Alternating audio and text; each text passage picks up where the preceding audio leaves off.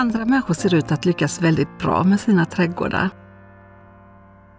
Det verkar som om de är födda med gröna fingrar och allt de tar i blir vackert.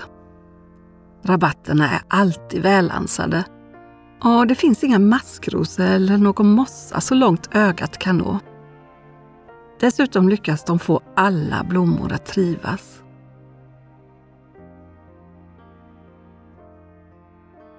Hur är det i ditt hjärtas trädgård?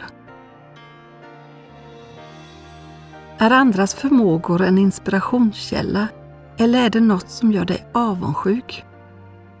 Du vet, det här med att jämföra sig med andra drabbar alla då och då.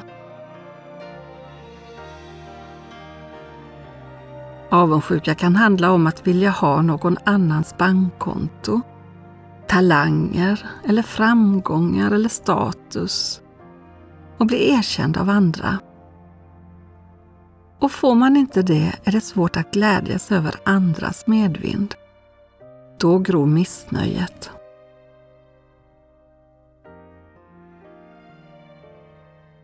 Det här med att jämföra sig med andra är giftigt och kan få ödesdigra konsekvenser. Det är ett självsabotage som drar med sig andra. I Bibeln står det Sinnesro ger kroppen liv, avunder röta i benen. Hmm. Då är det ju som en bakterieinfektion som man måste behandla. Drabbas man av en infektion kan man få följdsjukdomar. En bristsjukdom kallas för otacksamhet.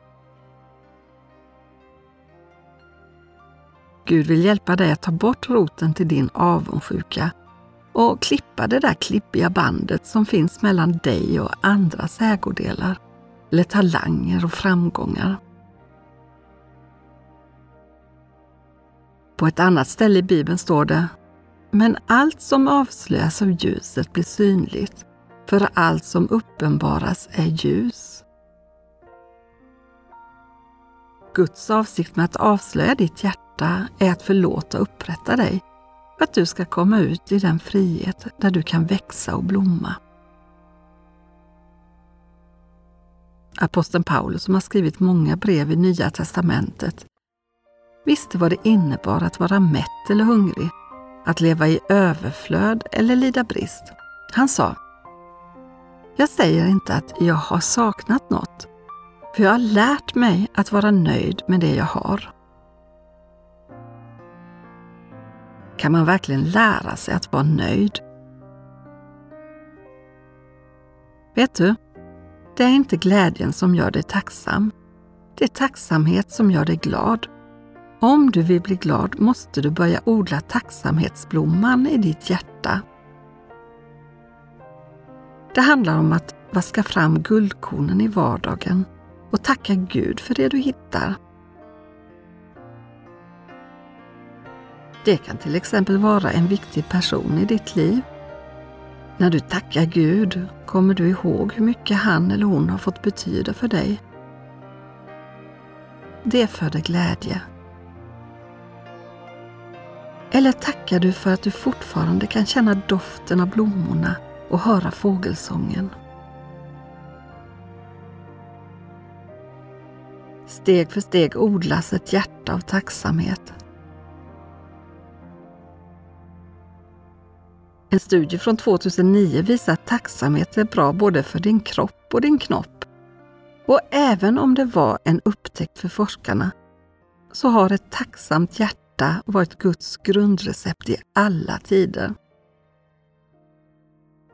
I Bibeln uppmanas du att lova Herren och inte glömma bort allt gott han gör för dig.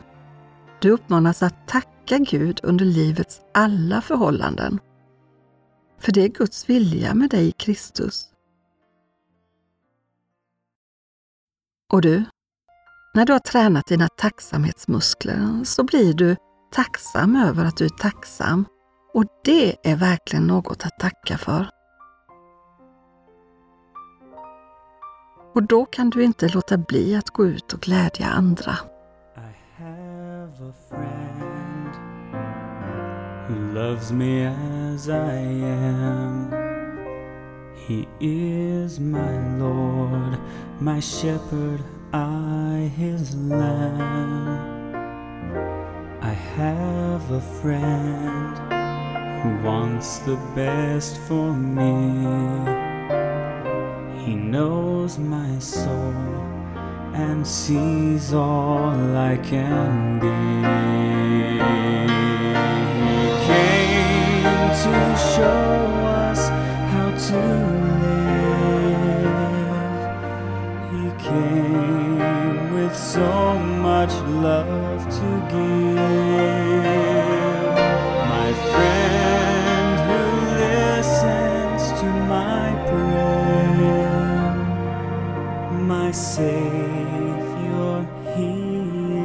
is always there.